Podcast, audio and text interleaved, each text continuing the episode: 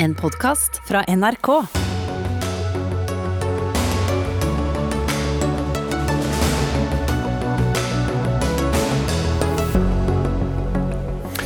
Korona, korona og korona. Statsministeren oppsummerte 2020 i dag. Fremskrittspartiet i Oslo Fremskrittspartiet kastet fylkeslederen i eh, Oslo fordi han skadet partiet, men det er Fremskrittspartiet som driver med selvskading, sier han og kommer til Dagsnytt 18. Aftenposten er blitt et redskap for polarisering i debatten om distriktene, hevder politisk redaktør i Nordlys. Virkelig, svarer Aftenposten. Og var frislippet av snøscooterkjøring til fornøyelse i kommunene skadelig for naturen? naturen? Rapport som skulle finne ut av det, hadde ikke ressurser nok til å finne svaret. Ja, Da sier vi riktig god kveld og velkommen til Dagsnytt 18 med Espen Aas. Mens det politiske året 2020 fort kunne handlet mye om regjeringsendringer, politiske kompromisser og veien til valget i september neste år, så handlet uh, årsoppsummeringen til statsminister Erna Solberg i dag mest om vaksine, korona og smitteverntiltak. Ikke så rart, kanskje. Men det gjør det vel kanskje også lettere å være regjeringssjef når det er én sak som alle er opptatt av? Jeg forsøkte å gjøre mitt uh, tilskudd til at vi skulle snakke om veibygging, at vi skulle snakke om uh, brexit, at vi skulle snakke om uh, skolesatsingen, forskningssatsingen, for å minne om at vi har gjort veldig mye andre ting i løpet av dette året. Men jeg skjønner jo at hovedfokuset er på, på koronasituasjonen. For det er Eh, det er den største utfordringen vi på kort sikt står overfor. Men eh, jeg er opptatt av at vi snakker om andre ting òg, og regjeringen er opptatt av å levere på alle de andre områdene samtidig. Mm. Men det må jo gjøres opp en regning på et tidspunkt for eh, denne epidemien og pandemien og alt vi har vært gjennom. Det innhogget som vi har gjort i vår felles uh, formue, hvor lang tid skal vi bruke på å fylle opp den? Akkurat nå så er jo situasjonen at eh, vi, vi har mer penger i oljefondet, eller eh, petroli, eh, altså pensjonsfond utland, ja. ja. enn det vi hadde når vi begynte på året. Så i så måte så kan du si at det fyller seg opp litt automatisk. Det gjør det jo ikke, men det har noe med kronekursen å gjøre. Mm. Det har noe med at børsene internasjonalt har gått bra. Det Veldig mye av de utgiftene vi har nå, er jo engangsutgifter. Det er utgifter som i år og neste år kommer til å gå til å stabilisere økonomien, til å sørge for å holde bedrifter i gang, til å sørge for inntektssikring til de som står utenfor. Og det er i seg selv ekstremt viktig, for det, det betyr at vi holder aktivitet oppe i norsk økonomi. betyr at vi har flere bedrifter og arbeidsplasser å, å jobbe med videre. Så det er veldig lurt å bruke penger når du er i denne typen kriser, og vi er veldig godt stilt som har penger å bruke. Mm.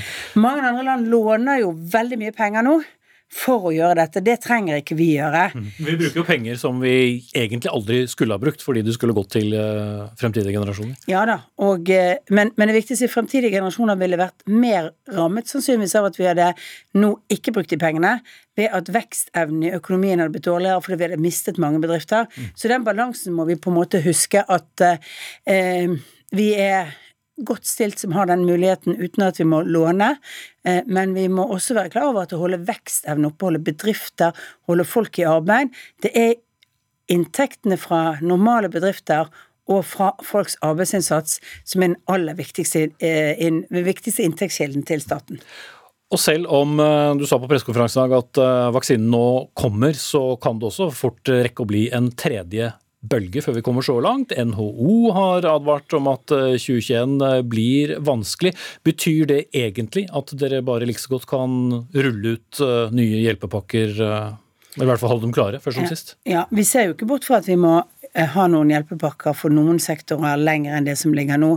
Det har vi sagt hele tiden. Men så er vi opptatt av at vi skal først og fremst gjøre det hvis det er sektorer som henger mest igjen. Og vi vet at reiselivet blant de sektorene hvor det tar lengst tid å komme i normal situasjon.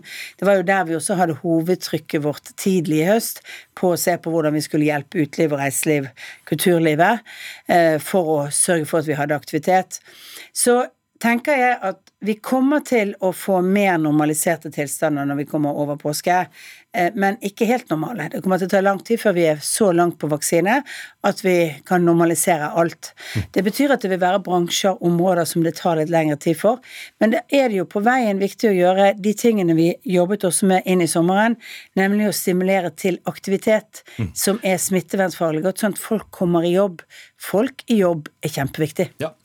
Eh, så skal altså de første vaksinene settes, og de, det begynner i, i, i, Oslo. Hvor tidlig hopper du selv å kunne ta vaksinen?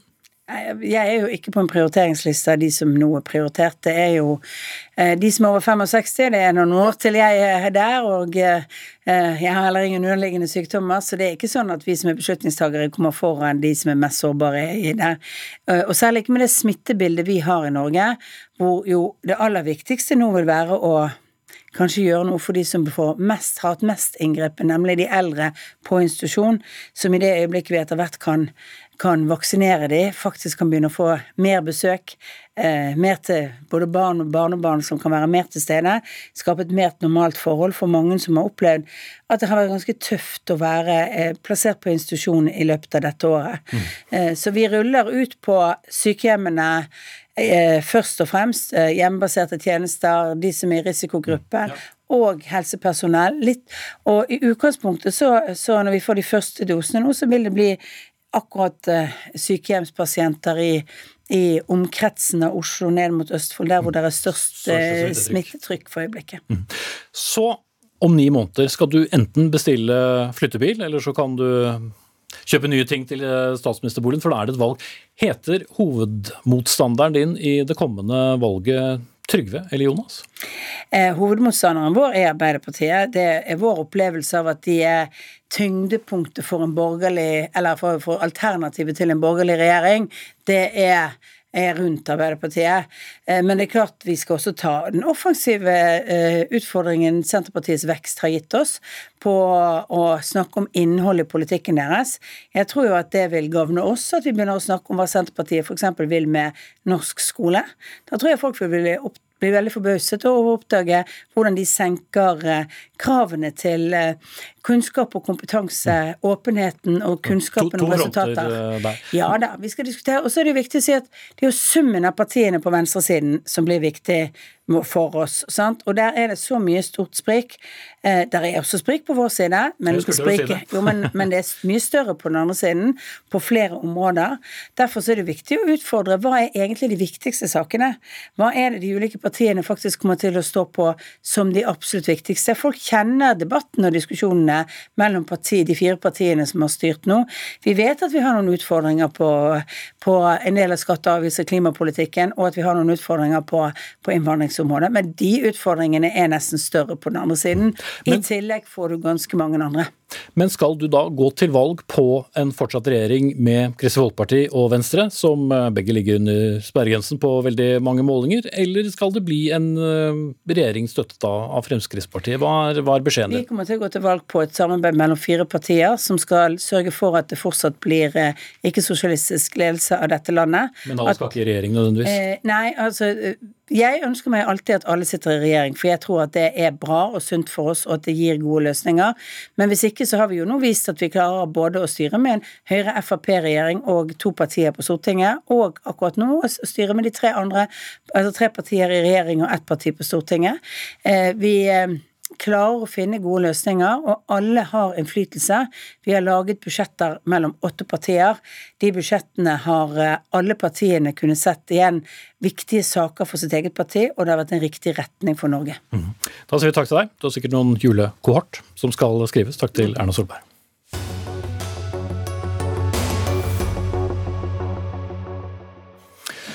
De som trodde at uh, tiden med eksklusjoner og offentlig skittentøyvask i Fremskrittspartiet var over, vel, tro om igjen. For i går kveld ble som kjent lederen av Oslo Frp, Geir Ugland Jacobsen, kastet ut av partiet etter en sommer og høst med uttalelser som falt uh, partiledelsen sentralt uh, tungt for brystet. Og Geir Ugland Jacobsen, tidligere fylkesleder, har du nå fått Eh, en forståelse av hvorfor du ble ekskludert? For du virket noe forvirret eh, i går.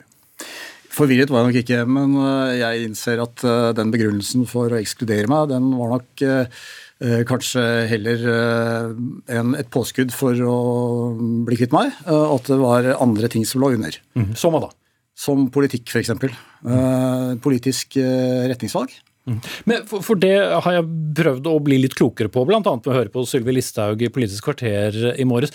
Hva er det store skillet mellom den ideologien som du representerer, og det som er partilinjen til uh, Siv Jensen?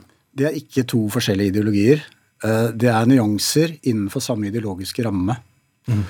Uh, jeg er ikke så opptatt av ideologier. Det viktigste er å bruke sunn fornuft og ta det litt sak for sak. Eh, men man har en ideologisk ramme. Mhm. Men hvis det er det som var grunnen til at du ikke lenger skulle være leder i, i Oslo Frp, så må det jo være noen ting du står for som da blir for vanskelig for eh, den etablerte ledelsen? Ja, eh, Da må man nesten spørre Siv Jensen om det, for hun reagerte ganske voldsomt på en resolusjon som vi vedtok i det arbeidet vi gjorde med det nye programmet.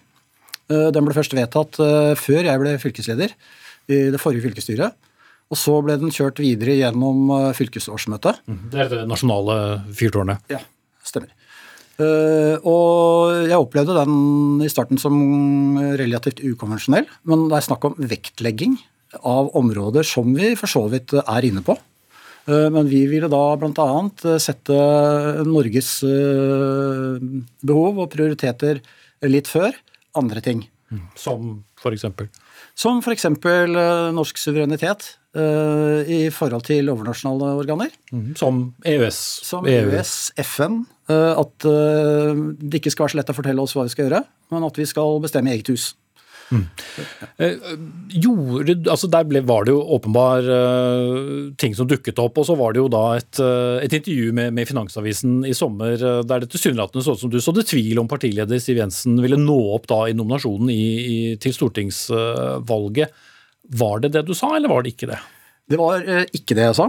Eh, det ble eh, tolket sånn av Finansavisen, for overskriften ble at jeg åpnet for å bytte ut Siv Jensen. Det, er vel alltid åpent før en nominasjonsprosess? Nettopp. Om en fylkesleder i partiet hadde jo noen måneder før sagt akkurat det samme. At nå var det på tide å se på hvem som skulle lede partiet. Da var det ingen reaksjoner. Men det jeg sa, det jeg gjorde, var å gå gjennom den tekniske gangen i hvordan man havner på førsteplass på Oslo FrPs liste til mm. Stortinget. Da skal man gjennom tre demokratiske sluser. Og det måtte jeg for skams skyld gjøre rede for, ellers så hadde jeg forskuttert Siv Jensens uh, passering i alle disse slusene. Og det kunne jeg ikke gjøre av respekt for disse fora. Mm. Men på hvilken måte ryddet du den misforståelsen av veien overfor Siv Jensen etterpå? For så vidt jeg forsto i Aftenposten i dag, så har dere knapt snakket sammen noen gang? Det er helt riktig. Uh, det tok fyr uten at jeg registrerte at det gjorde det. For jeg var på sommerferie til fjells uten telefondekning. Så kom jeg tilfeldigvis innom et sted hvor det var rekning, og da så jeg at det kokte på Messenger. Eh, og Da var fylkeslederne i gang med å legge ned Oslo Frp. Mm. Eller i hvert fall det de hadde tenkt å foreslå. Eh, og Da fikk jeg vært med i den diskusjonen, men allikevel, det stoppet ikke helt. Eh, det reduserte nok innsatsen noe, men det stoppet ikke helt det forsøket på å få lagt ned Oslo Frp. Så det anmodet med da tre fylkeslag sentralstyret om å gjøre. Mm. Um, og det er jo ikke bare de som har vært uh, for så vidt misfornøyd heller. Etter oppslaget her i NRK i juni, i etterkant av det oppslaget, så fikk vi vite at flere fylkesledere ville legge det ned. Du fikk kritikk fra FPU, tidligere nestleder Per Sandberg, og til og med nestleder i eget fylkesparti var skeptisk til, til uttalelsene. Har du vært en upopulær mann? Nei, jeg vil ikke si det. Uh, men jeg har tydeligvis skremt noen som jeg egentlig ikke mente å skremme. Eh, jeg, jeg føler eh, at disse reaksjonene kommer litt bardus på meg. Både det uh, forslaget som jeg har båret frem på vegne av fylkeslaget, som gjelder en uh, politisk retningsjustering, eller for, litt annen vektlegging på ting. det ble det voldsom reaksjon på, den kom bardus på. Og det gjorde også reaksjonen på mitt sommerintervju med Finansavisen. For det, for det første da, så hadde Finansavisen vridd litt på det. Og for det andre så hadde man da valgt å ta det i verste mening, eh, og ingen snakket med meg. Mm. Mm. Du snakket heller ikke med noen? Og jeg snakker heller ikke med noen, for jeg var på sommerferie mm. uh, da. Og i det hele tatt så, så har vi jo operert litt for oss selv i Oslo Frp. Det er jo hjemmekretsen til Siv Jensen. Mm. Ja, det er det som kanskje fremstår litt uh, pussig, for det virker jo ikke som du er fornøyd med den politikken hun har stått for. De har sittet sju år i regjering, uh, og uh, du har knapt snakket med henne, selv om hun da er toppkandidat, eller har vært det da i mange år, for Oslo Frp. Det er vel ett uttrykk for at du ønsker, og, og de støttespillerne ønsker en annen retning for Fremskrittspartiet? Jeg vil ikke si at akkurat den, det samkvemmet jeg har hatt med Siv Jensen, uh, har noe med det å gjøre. Uh, vi må være to om å kommunisere. Uh, jeg strakk ut en hånd da jeg ble valgt som fylkesleder og måtte be om et møte. Det fikk jeg. Jeg fikk audiens i 30-40 minutter. og så har vi ikke sett noe til Siv i fylkesstyret. Verken det året jeg satt som fylkesstyremedlem, eller det året jeg nå har sittet som fylkesstyreleder. Mm. Men ville det vært sunt med en endring? Det virker jo som det er det som ligger under, at det, det kunne vært godt for partiet. Altså Oslo Frp, eh, hvis du skal være realistisk, gjør det jo ikke veldig bra, verken ved lokalvalg i Oslo, ei heller ved de siste stortingsvalgene. Nei, det er riktig. Eh, det har vi jo prøvd å bøte på. Eh, jeg var valgkampleder under kommunevalget. Vi startet med en gallup på 2,7 Resultatet ble 5,3 med en utgangshastighet på 6% Så vi gjorde noe riktig i valgkampen. Men det er begrenset hva jeg kan gjøre etter en fallende trend over mange år, faktisk et, eh, i hvert fall et tiår. Uh, jeg må da ha litt tid på meg til å snu det. Uh, ja. ja. for du, du, vil snu det. Men som leder av partiet i hovedstaden, hvor viktig er da egentlig saker som uh, overnasjonalitet, uh, forholdet til EU, EØS uh, og FN? Er det ikke helt andre saker folk i en hovedstad vil være opptatt av dersom de skal velge? Det er ikke noe enten-eller. Men det er nå engang slik at man er med i et parti, og man sitter ganske høyt oppe i partiapparatet. Og da skal man også påvirke partiets politikk, både innenriks og utenriks. Og man skal ta seg av sitt eget lokale område. Selvfølgelig. Og jeg står på for å bevare Ullevål sykehus. Jeg står på for å bevare noen politistasjoner mm. på østkanten. Jeg uttaler meg om kriminaliteten på Oslo øst. Eh, vi er på alle Oslo-sakene. Mm. Men det er vel ikke så annerledes heller fra partilinjen. Men Nei. du snakker om å tilhøre et parti. Du gjør jo ikke det lenger akkurat nå da, Jacobsen. Eh, Nei. Har du tenkt å finne deg et nytt politisk hjem, eller vil du forsøke å skape ditt eget? Det gjenstår å se. Eh, jeg eh, er idealist. Jeg eh, har ikke noe behov for å gjøre noen politisk karriere noe sted. Men jeg vil gjerne påvirke begivenhetene slik at det blir til det beste for land og folk. Eh, og mine etterkommere. Eh, og det er det som driver meg. Mm. men det kan du ikke gjøre på egen hånd, du må jo nesten ha et parti? Ja, eh, det må jeg, men hvor jeg er, er jeg ikke så veldig opptatt av. Men det er klart at det finnes andre partier. Det gjør det. Og hvor jeg velger å legge min innsats, det gjenstår å se. Jeg må først la støvet legge seg litt nå i forhold til det som har skjedd de siste dagene. Men jeg kommer tilbake. Det er nok. Mm. Ok, Takk skal du ha, Geir Ugland Jacobsen. Men ikke nok med at han er ekskludert. Partiets sentrale sentralstyret vedtok i samme slengen at Oslo Frp legges ned, eller mer formelt, det settes under administrasjon, som det heter. Følgelig ble det i går også opprettet, opprettet et interimstyre, et midlertidig styre, som skal få orden på Frp-erne i hovedstaden. Det ledes av deg, det, Ketil Solvik-Olsen, tidligere nestleder. I den grad du fikk hørt litt av hva Ugland Jacobsen sa her, hva, hva syns du om det han sa? Jeg har som misjon i den rollen jeg skal ha, at vi gjør Fremskrittspartiet i Oslo til et ledende parti i byen. Byen styres av et mørkerød-grønt eh, flertall som egentlig kjemper imot veldig mye av det som vi som Frp-ere står for, med frihet for enkeltmennesker, det gode private næringslivet, samarbeid mellom offentlig og privat sektor, muligheten til å reise rundt i byen uten å skattlegges og møte restriksjoner.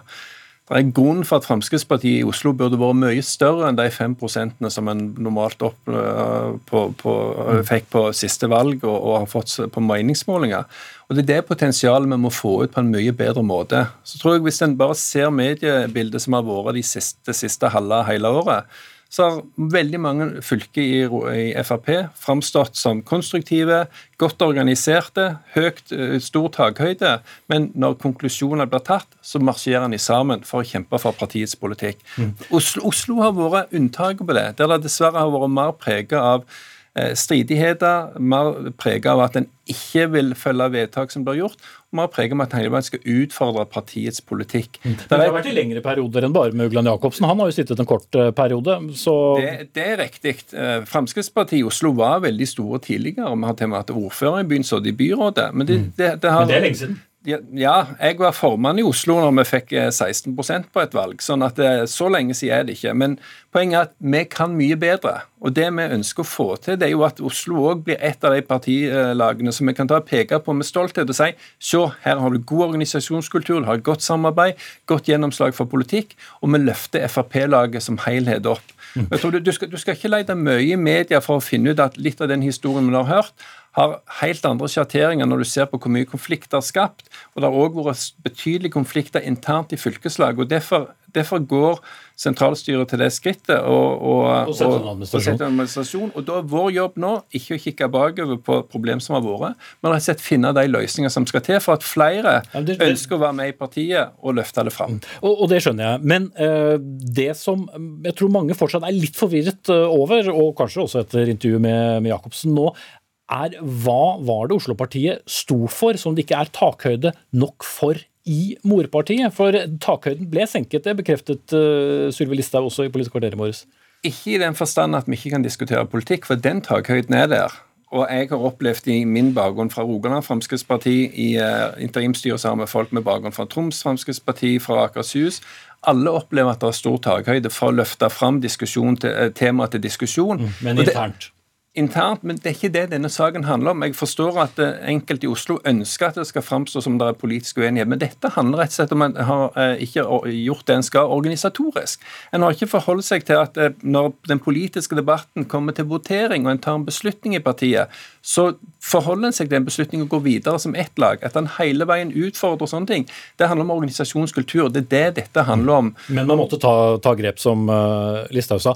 Men hva slags mandat er det du nå har fra medlemmene i Frp, som da skal lede dette interimstyret? Vi er fem personer som nå skal sørge for at eh, fylkesstyret fungerer fram mot et årsmøte og et nominasjonsmøte. Bare understreke at alle bydelslagene fungerer fortsatt, bystyregrupper fungerer fortsatt, Fremskrittspartiets ungdom fungerer fortsatt. Så det er ikke sånn som enkelte får inntrykk av at det er nedlagt. Dette arbeidet i all, alle organisasjons, organisasjonsledd skal fortsette.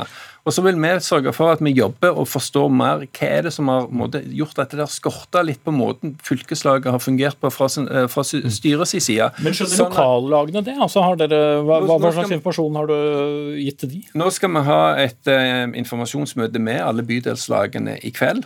Eh, vi har allerede hatt en del telefoner til folk som sitter i bystyregrupper og lignende. sånn at i, i tur og orden så skal vi forholde oss til alle de, eh, folk, altså de, de demokratisk valgte organene som finnes, sånn at vi kan spille på lag. Det viktige når vi kommer og gjennomfører årsmøtet, det er jo at alle opplever at prosessen har vært ryddig, alle parter har vært hørt, og forstår at dette handler ikke om politisk uenighet.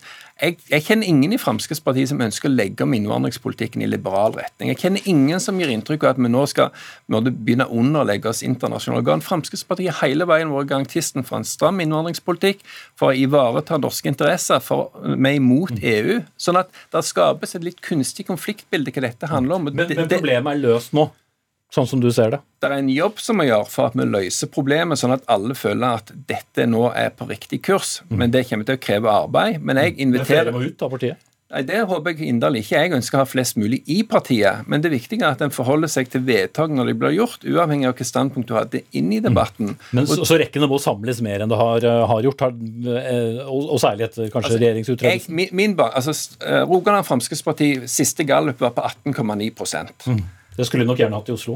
Jo, Eh, ikke sant? Og Det er jo det vi ønsker å få til. og vi, vi jobber altså på det samme partiprogrammet. Hva er det som gjør at vi ikke får det til i Oslo, men får det til i Møre og Romsdal, i Troms, i, i Rogaland og mange andre steder? Og Det er jo det det handler om. og derfor Jeg inviterer alle som ønsker å kjempe for Frp sine standpunkt og for å avsette det rød-grønne byrådet, til å være med i det arbeidet som vi nå skal gjøre i, i Oslo men, Fremskrittsparti. men er det det Jacobsen har stått for? Har han alene stått for det organisatoriske rot? Det er han som har uh, vært i media og hele veien fått varslingene mot seg. Han, det, det, dette burde ikke komme som en overraskelse på han. Han har hatt mange runder der han har fått advarsler om at en må forholde seg til vedtak som blir gjort. Han. Eh, tiden går litt fort her, eh, Ketil Solvik-Olsen. Men nå blir det en ny nominasjonskomité, ny innstilling på kandidater til stortingsvalget. Uh, er det demokratisk å gjøre om på?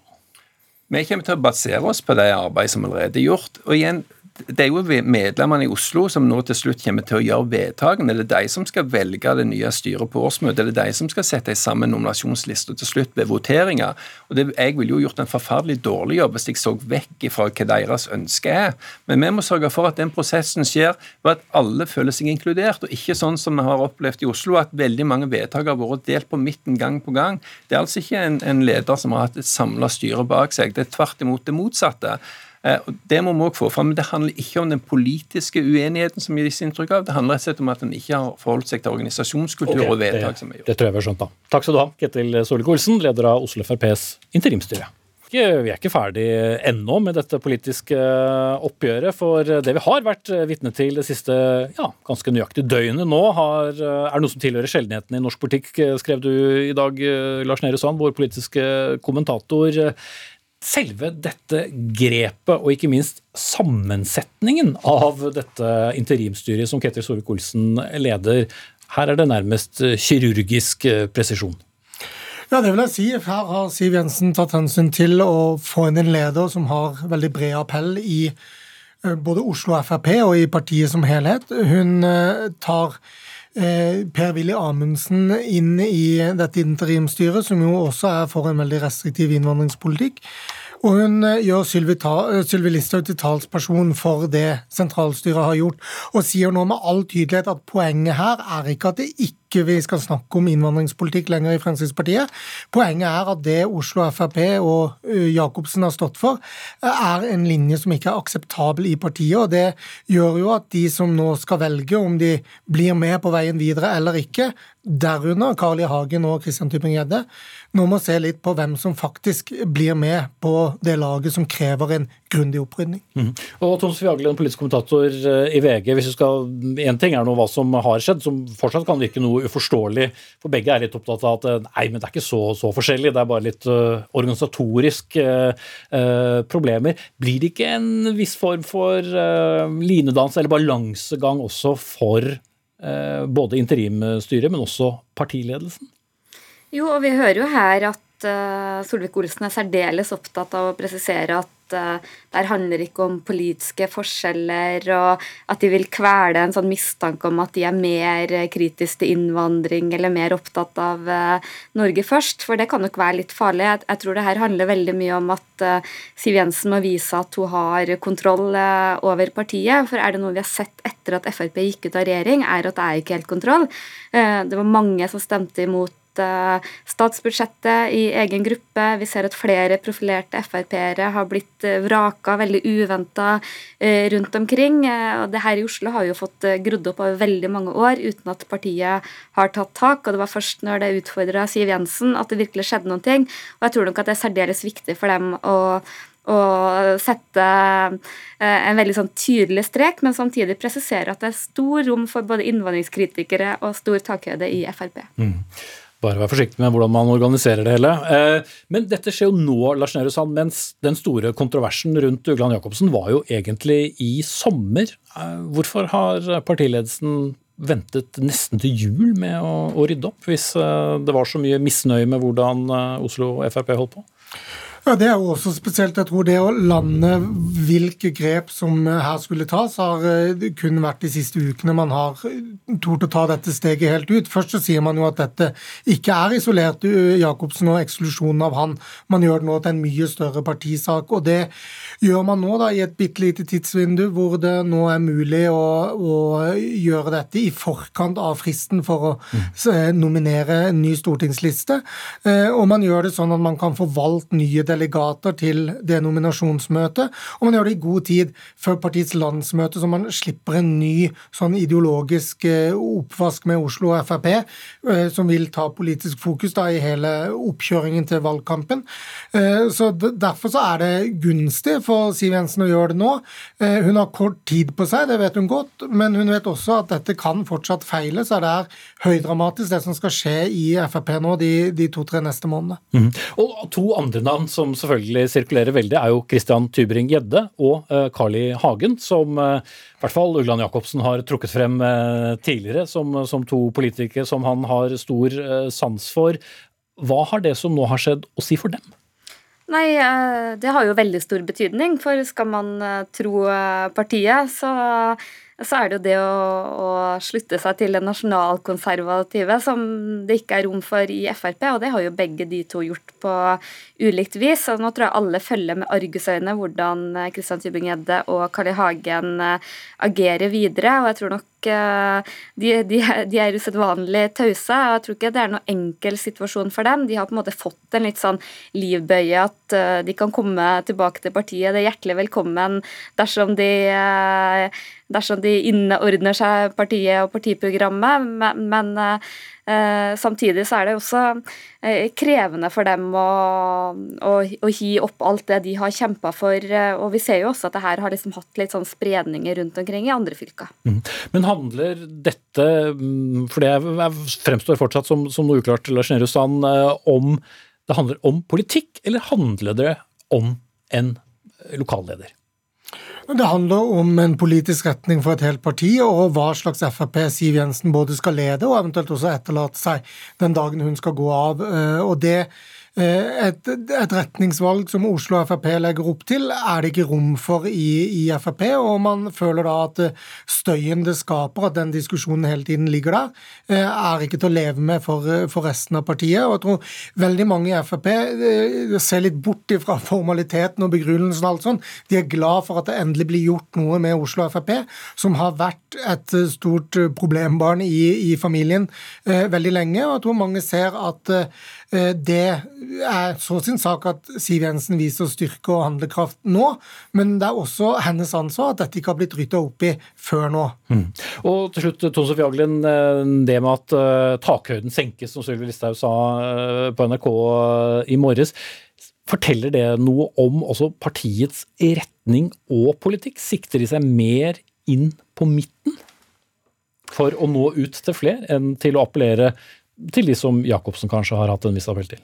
Nei, jeg opplever at de gjør det de kan for å få bort det inntrykket. Når de nå velger å ha Per-Willy Amundsen inn i interimstyret i Oslo Frp, så er det et uttrykk for at eh, man skal være særdeles streng i innvandringspolitikken og likevel eh, høre hjemme der. Men så tror jeg nok også at eh, det å å gå ut av partiet og ikke være en del av Frp er nok en dødlinje, for selv om de kan oppleve nå å få mye støtte i sosiale medier og sånn, så mister de veldig fort relevansen hvis de ikke er en del av et etablert parti. Mm. Det blir spennende. Takk skal dere ha, Tone Sofie Aglen fra VG og vår egen Lars Nehru Sand.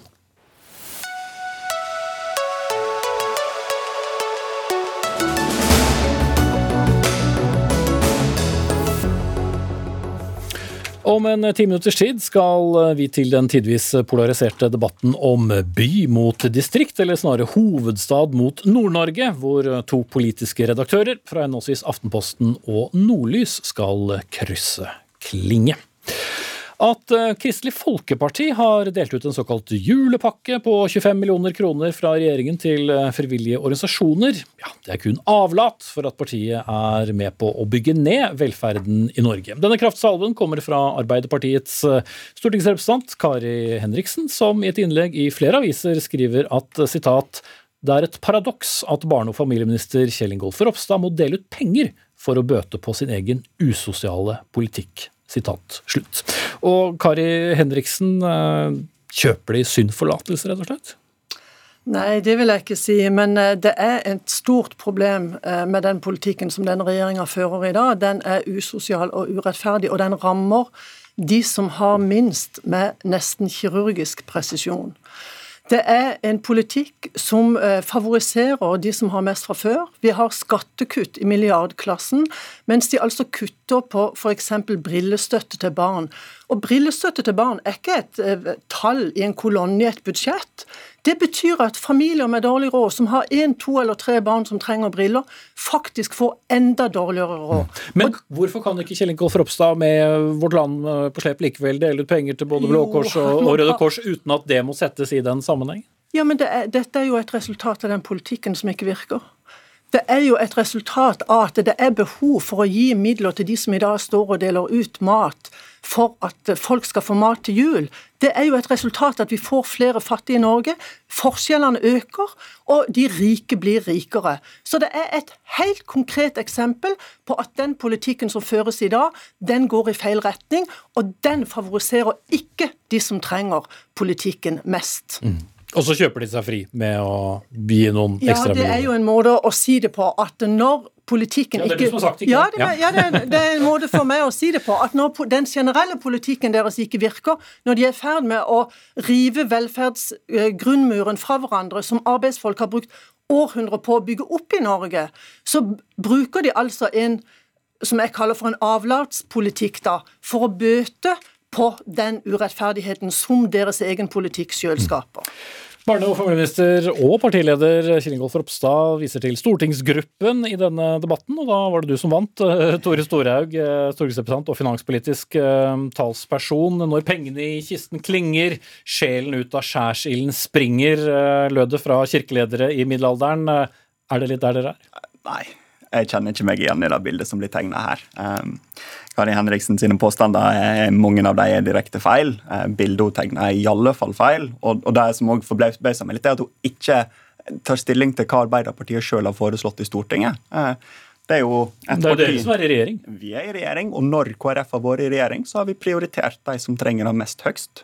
Dette her er en regjering som år for år har økt barnetrygda. Det er en støtte som betyr mest for de familiene som trenger det aller mest. Dette Men dere har også tatt med det, det, altså brillestøtten til barn. Altså er, dere har jo vært med på vedtak som du må eh, vel si at ikke alle i KrF eh, ønsket det? Som, alle unger som trenger briller, skal få det, og vi har standardisert satsene for hvordan det skal gjøres. I sitt alternative budsjett så kommer jo Arbeiderpartiet ikke med reversering av det kuttet. De gjør det litt mindre, sånn at satsen du får for brillene skal være litt høyere, men, men satsen er jo i dag basert på faglige råd, sånn at den skulle dekke de kostnadene som ligger der. Mm. Så Kari Henriksen må jo for det første ta inn over seg hva Arbeiderpartiet faktisk står i Stortinget og gjør. Og så er Det jo sånn da at det helskapelige bildet her handler jo om hva det er en prioriterer. Når Arbeiderpartiet prioriterte og satt i regjering, heva en ikke barnetrygda. En gjorde ikke målretta tiltak inn mot de barnefamiliene som trengte det mest. Og sjøl nå, når de prioriterer flere milliarder, eh, så, så finner, de, finner, de, faktisk rom til å kutte til noen av de familiene som har det har mm. aller minst fra før, okay. når de tar så, i engangsstønaden uh, til de som ikke har rett på foreldrepenger. Ja, det er jo sånn det, det blir i politiske diskusjoner, at man snakker om hverandres politikk og ikke om, eh, om vår egen. Men uh, han var, hadde ikke så dårlig samvittighet. Vi snakke om vår egen politikk. For det vi bevilger i dette budsjettet, og det er f.eks. momskompensasjon til frivillige organisasjoner, istedenfor de 25 millionene som Ropstad går rundt og deler ut nå, så legger vi på bordet en momskompensasjonsordning som betyr at f.eks.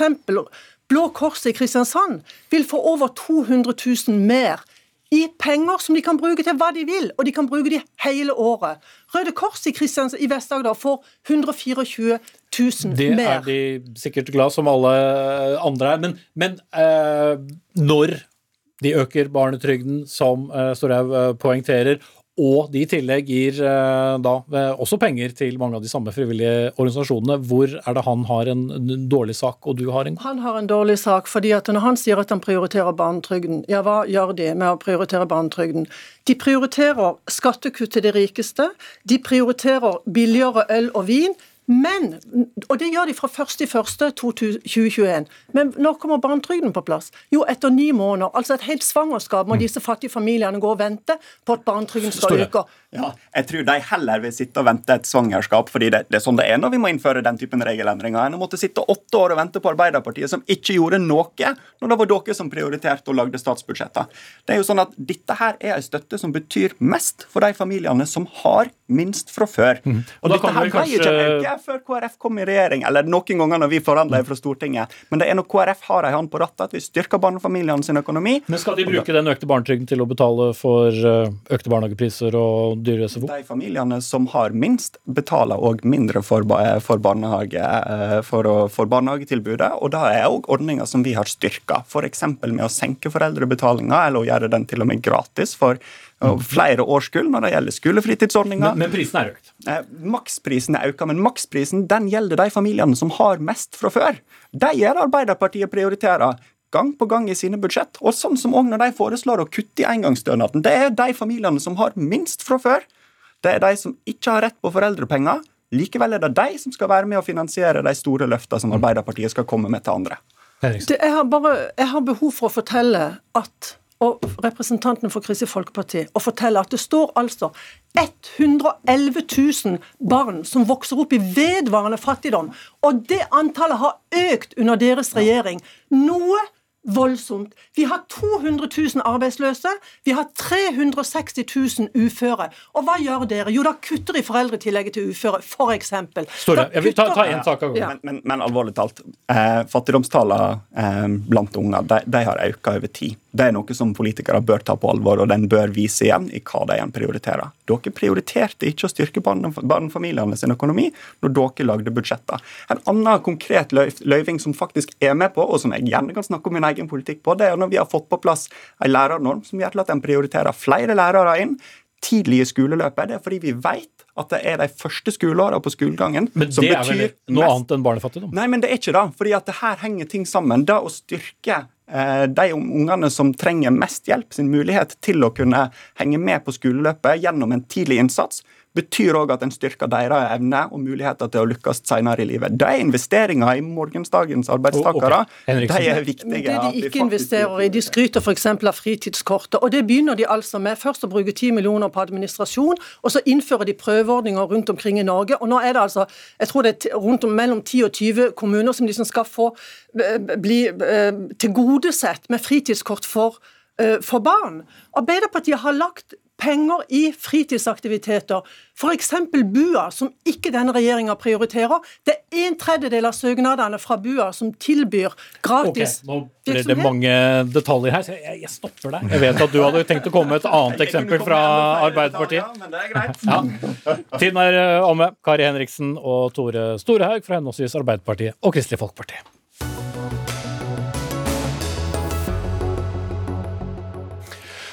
Polarisering mellom by og land går hand i hand, ikke minst i avisspaltene. For Aftenposten er blitt et redskap for polariseringen i debatten om nettopp distriktene. Ja, det skrev politisk redaktør i Nordlys, Skjalg Fjellheim, før helgen.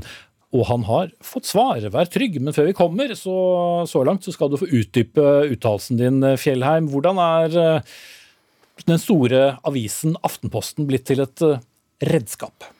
Ja, Det handler jo om budskapet Aftenposten målbærer i en eh, serie kommentarartikler de har hatt den siste tida om distriktspolitikk. Og Det handler om eh, titler som 'Norge trenger en politikk for nedbygging av distrikter', eh, 'Damene har dratt, politikerne kommer for seint', og den siste i rekken 'Polarisering mellom by og land, ja takk', var tittelen. Og da er de et redskap for noe?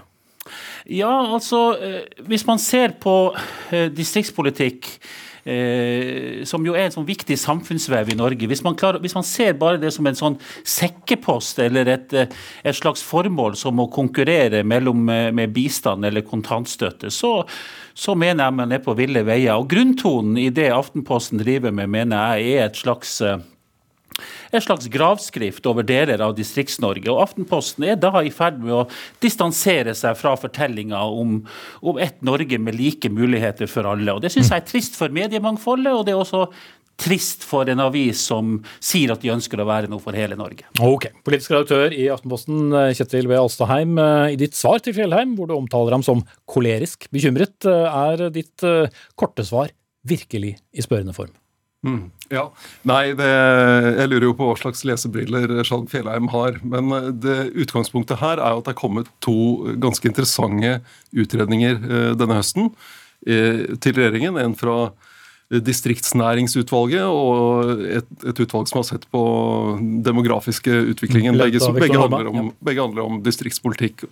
Og, og noe av det Victor Norman, professor Victor Nordmann sa som ledet demografiutvalget, var at uh, distriktene kan ende opp som gamlehjem i naturskjønne omgivelser. Og Problemet er jo at det er egentlig mer alvorlig enn som så, for det kan ende, opp som gamlehjem Eh, i naturskjønne omgivelser, men uten eh, helsefagarbeidere, sykepleiere, sykehjemsleger osv. Fordi du har fortsatt en sentralisering, folk som eh, flytter fra, og en, en forgubbing i mange kommuner.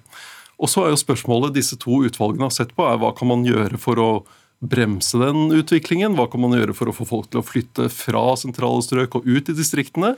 Eh, og Der kan man sikkert få til noe eh, i noen områder, men det å se for seg at man greier å snu dette helt eh, og stanse den nedgangen i folketall som, som Statistisk sentralbyrå og Telemarksforskning anslår at vil komme i årene fremover, det virker ganske lite realistisk. Og Da må man finne ut hvordan skal vi håndtere den velferdsutfordringen, den utfordringen som, som disse kommunene får når de får en aldrende befolkning, færre i arbeidsfør alder, og de skal ha den samme eh, tilbudet om omsorg eh, som, som, alle andre i dette mm. landet. Det er, det, er, noe av det jeg skrev om, og som ja, Skjalg Fjellheim leste på sitt vis. Mm.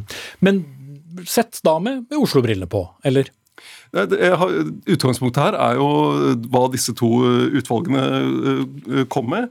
Hvis man ser på beregningene fra Statistisk sentralbyrå, så er det 133 av 356 kommuner som vil eh, gå ned i folketall frem mot 2040. Ifølge Telemarksforskning er det 237 av 356. For de kommunene så er jo det et viktig spørsmål. Hvordan skal vi håndtere det? Hvordan skal vi håndtere det at eh, det blir færre innbyggere? Mm. Og hva er det du da reagerte på, Fjellheim, hvis det var det samme du leste som, som Alstadheim igjen fortalte da? Ja, så Nå har jo Alstadheim moderert seg og i, i, i, i, tilsvaret til meg da, og kommet med noen, noen, nye betraktninger om distriktspolitikk som, ikke, som jo jeg oppfatter som et slags tilbaketog i forhold til de første kommentarene om, om, disse meldingene som Alstadheim er, er inne på. Jeg tror at Det beste rådet jeg kan gi Alstadheim og Aftenposten, det er egentlig å legge øret til bakken og, og, og, og lytte og strekke ut en hånd til Distrikts-Norge. og reise ut i Norge for å se hvordan dette landet fungerer. For jeg tror det er veldig viktig i denne situasjonen vi har i Norge i dag, med økende avstand mellom by og land, mellom den urbane eliten og det rurale Norge, at vi har nasjonale medier som ikke eh, fremstår som et slags tekjøkken for Oslo vest, men som faktisk tar Norge på alvor. Og, og, det, og, det, er et ganske... Hva, hva, hva konkret er det som mangler da, Fjellheim? Altså det, er, det er vel jo de ser jo på analysene som er gjort av bl.a. Ja. SSB og, og Telemarksforskning. Ja, Det som bl.a. jeg reagerer på, er at man, man, sier at distriktspolitikk må konkurrere med andre formål. Eh, med andre gode formål. Og Det, det som jo har vært kjennetegnet ved norsk distriktspolitikk, og som har gjort det til en suksess gjennom mange år, er at dette har prega politikken på flere sektorområder. Det har vært noe som har vært gjennomgående i norsk politikk. Man har ikke sett på distriktspolitikk som én stor sekkepost. Okay. Dette, dette, handler jo om Norge slik det er, og slik det har vært over, over, over lang tid. Mm, altså. Ja, eh, jeg vil, jeg vil, ikke si at jeg har moderert meg i den andre i, i svaret mitt, men jeg har prøvd å gi Skjalg Fjellheim litt, eh, litt, leseveiledning. Så jeg håper, håper, vi kan i hvert fall få en debatt som, om, eh, som er basert på hva, hva, vi mener, og ikke hva Skjalgheim tillegger oss av meninger. Jeg syns jo det er litt rart når Skjalg Fjellheim sitter som politisk redaktør i i en avis som liker å kalle seg Nord-Norges viktigste, og som ikke er opptatt av hva disse utvalgene sier. Og dette er jo kjempeviktig for hans landsdel. Det er deler av Nord-Norge som går veldig bra. Eh, nå er reiselivsnæringen rammet, men vi får jo tro at den kommer tilbake. Du har sjømatnæringen, du har mineralvirksomhet. Så Deler av Nord-Norge går veldig bra og har hatt mangel på arbeidskraft. Og andre deler vil slite med eh, redusert folketall. Det jo, burde jo være en interessant debatt for Nordlys og for, for Skjalg Fjellheim å gå inn i det og prøve å finne ut hvordan håndterer vi dette veldig vanskelige spørsmålet. Mm. Og Hvis jeg skal si litt om dette med å sette, som man også var innom her, om at vi setter by og land opp mot hverandre. Det er jo, vi må jo se på hvordan pengene brukes. Altså, hvor, hva er fornuftige tiltak? Det er kommet forslag fra de to utvalgene, bl.a. om skattefritak for å leie ut boliger i distriktene og sånne ting. Vi må se på hva, hva er effekten av det, hva kan vi få gjennom det, opp mot andre ting. Akkurat som man må prioritere på alle andre poster i budsjettet. Mm. Til slutt. Ja, altså, det som, er, eh, det som, er, realiteten her, er jo at Alstadheim skriver kommentarer der han ber om at Norge må få en aktiv politikk for nedbygging av distrikter. Og Det er ikke så veldig mange måter, og det er ikke så stort rom for tolkning av en slik tittel eh, når, når, den brukes. Og jeg tror at, eh, at, vi Det vil være synd hvis vi mister Aftenposten som et finstemt instrument som har et respektfullt blikk på tilværelsen. Men er det ikke rart at du ikke er opptatt av hva disse to utvalgene beskriver? Elever og den det har vi skrevet masse om. og betyr, det, viser jo bare at du ikke, det viser jo bare at du ikke leser Nordlys, og kanskje heller ikke andre regionaviser. For dette har vi skrevet masse om, og vi har en levende debatt om distriktspolitikk i våre spalter hver gang. Og det viser jo egentlig hvor, hvor dårlig orientert Aftenposten er om Norge utenfor Oslo. Nei, oh, nei ja, Der skal jeg faktisk eh, gi deg et aldri så lite punktum i Tromsø, Skjalg Fjellheim. Takk skal du ha, politisk redaktør i Nordlys, og takk til Kjetil B. Astheim, politisk redaktør i Aftenposten.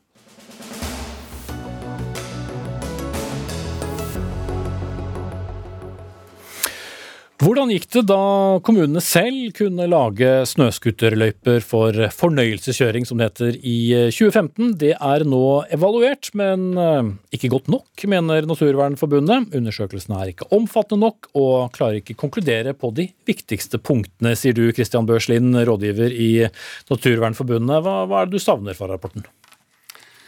Jeg savner det som rapporten var forventa å levere på veldig sentrale områder.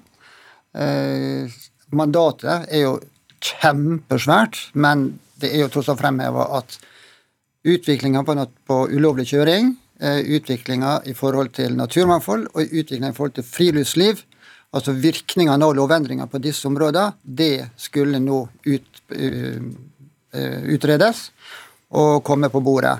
I samråd med Stortinget, som bifalt at det skulle evalueres. Og nå kommer det med store hull. Mm. Fikk du noe svar i hele tatt? Altså, Jeg har ikke spurt, jeg har bare lest rapporten. Ja, Men ut fra rapporten, ut fra hva du var mest interessert i? Ja. Eh, det, det som er der, er der mye bra. Eh, men eh, det som ikke er der, er dessverre svært mye viktigere. Mm. Statssekretær Maren Herslett Holsen i Klima- og miljøverndepartementet fra Venstre. Hvor godt utredet var vedtaket før det ble vedtatt? Du mener, Nå snakker du om selve lovendringen som kom i 2015? Ja. ja nei, det, eh, først så må jeg jo minne om at det var jo da Det eh, var jo en lovendring som kom i forrige regjering, altså med jo, Høyre og Frp. Po, po, poenget er bare Er dette et uttrykk for at det ikke var godt nok utredet, siden man bestiller en sånn rapport? Jeg tror det, var, det lå inne eh, i både lovproposisjonen som kom fra Klima- og miljødepartementet den gangen, og i bestilling fra eh, Stortinget, at dette skulle evalueres. Og så har man jobba da i fem år eh, med en sånn eh, evaluering, og den rapporten kom til oss i går. Mm. Eh, så jeg har heller ikke rekke å sett på alle detaljene i den rapporten. Mm. Halvannen million fordelt på disse årene. Hvor mye får man evaluert for en sånn sum? Ja, nei, det er jo et, det er et godt spørsmål. Det er klart det er alltid sånn at man kan eh, spytte mer penger og få mer eh, kunnskap i forhold til hva man får til. Så jeg kan ikke gå god for hva som måte, ble bevilga den gangen, men vi har latt rapporten og evalueringa skje, og har vært spente også på hva som kommer i den rapporten som har blitt lagt fram nå. Og så må vi se på den, gjøre vurderinger. Hva er det som mangler? Hva er det den sier, hva er det den ikke uh, sier? Det tror jeg Linn allerede har noe svar på. Mm -hmm. Ja, det har jeg. Som sagt så er det vesentlig her det som ikke er der. Rapporten melder jo allerede i omtalen av sin egen rapport i presentasjonen på nettside at uh, vi har nok ikke kunnet levert på spørsmålet om virkninga av den nye loven på naturmangfold, dyreliv, fugleliv. Vi har ikke kunnet levert på utviklinga på ulovlig kjøring. Det er to av tre sentrale punkt. Men det er veldig viktig det første svaret på det første spørsmålet som du stilte til henne. For dette her står i en kontekst. Og da er utgangspunktet at da den loven ble forberedt, stortingsproposisjonen og alt det der, så ble det ikke konsekvensutredet i nærheten av det man skulle forvente. Det er påvist om igjen og om igjen. Det er nærmest enighet om det miljøet rundt. At det var bortimot skandaløst, fraværet av konsekvensutredninger. Og Dette er på en måte et forsøk på å kompensere for det og hente inn informasjon i etterkant som man skulle hatt i forkant. Mm. Og Holsen, hvis man da ikke får besvart de spørsmålene, må det da utredes mer? Eh, nå skal vi se på den, eh, og eh, jeg må jo si at jeg setter jo pris på debatten. Og jeg setter også stor pris på at Naturvernforbundet løfter opp dette, for vi deler jo Naturvernforbundets bekymring for nedbygging av natur, og også konsekvensene i forhold til motorferdsel eh, i eh, utmark. Eh, og ser at vi har et stortingsflertall nå som, som ønsker å løse opp mer i det. Og da må vi se på konsekvensene. En som har sittet og hørt på dere to, det er deg, Odd Inge Vistad. Du er seniorforsker ved NINA, som er en av forfatterne bak rapporten. Fikk dere konkludert? Ja, Altså, Vi har en del konklusjoner, men utgangspunktet er godt presentert her. At her er det stort bestilt og smått finansiert. Og da bruker vi mye tid i starten på å stramme inn, slik at vi kunne levere bra på det eh, som vi skulle levere. Eh, og vi bruker tid sammen med Miljødirektoratet på å finne en form på dette som var overkommelig innenfor den økonomiske ramma. Vi har kartlagt nasjonalt ved hjelp av samarbeidspart eh, Menon Economics. Så vi har hatt en nasjonal eh, intervjurunde blant alle kommuner som har eh, etablert slike løyper. Kartlagt løypemengde, kilometer. Det er sikkert veldig mye dere har kartlagt, men det vi jo er litt interessert i her, er jo da hvorvidt dere har klart å konkludere på det dere skulle? Ja, det vi sa at vi skulle, nemlig å dukke ned i kommuners arbeid med etablering av disse løypene. Og da har vi valgt ut to kommuner, Tydal og Trysil. Men vi kan ikke konkludere for 34 kommuner. Men vi kan konkludere for de to, og der også trekker vi en del spørs, stiller en del spørsmål ved f.eks. kunnskapsgrunnlaget, som er nevnt her fra Naturvernforbundet. Mm. Men kan altså- man da bruke den basisen i to kommuner til å konkludere om lovendringen var riktig?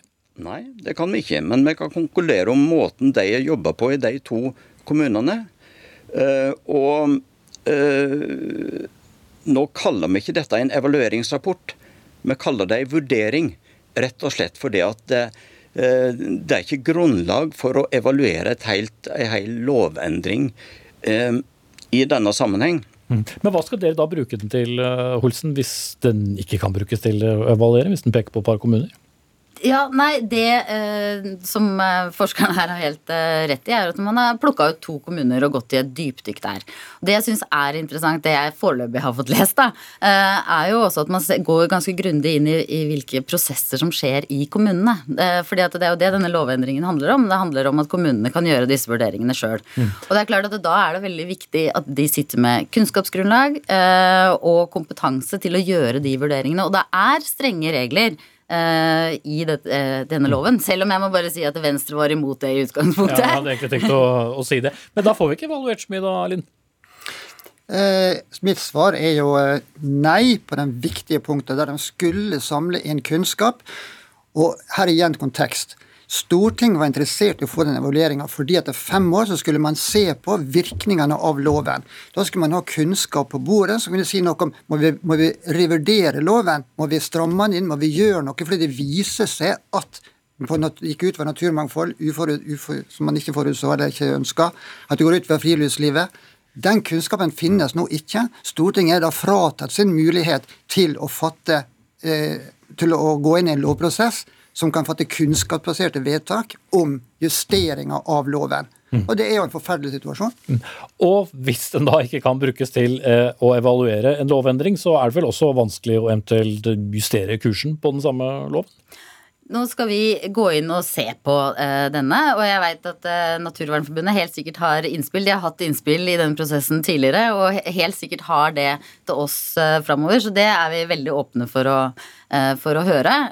og så må vi gå inn og se hva er det man kan gjøre. Og jeg syns at det viktigste her er jo å se på hva, hvilke virkemidler som ligger her i forhold til hva kommunene kan gjøre. Jeg vet vi har bl.a. presentert økologisk grunnkart som gjør at kommunene nå er i en bedre situasjon til å gjøre en del av disse vurderingene sjøl også. Ok, men mm. først så skal dere evaluere evalueringen, og så får vi se hva som kommer etter det. Takk til Maren Heslett Holsen, statssekretær i Klima- og miljødepartementet, Christian Børslin, rådgiver i Naturvernforbundet, og Odd Inge Vistad, seniorforsker ved NINA. Vi er ved veis ende, og det er Dag Dørum som var ansvarlig for denne sendingen. Eli Kyrkjebø tok seg av det tekniske. Jeg heter eh, Espen Aas, og det kommer flunkende ny Dagsnytt 18 på samme tid i morgen.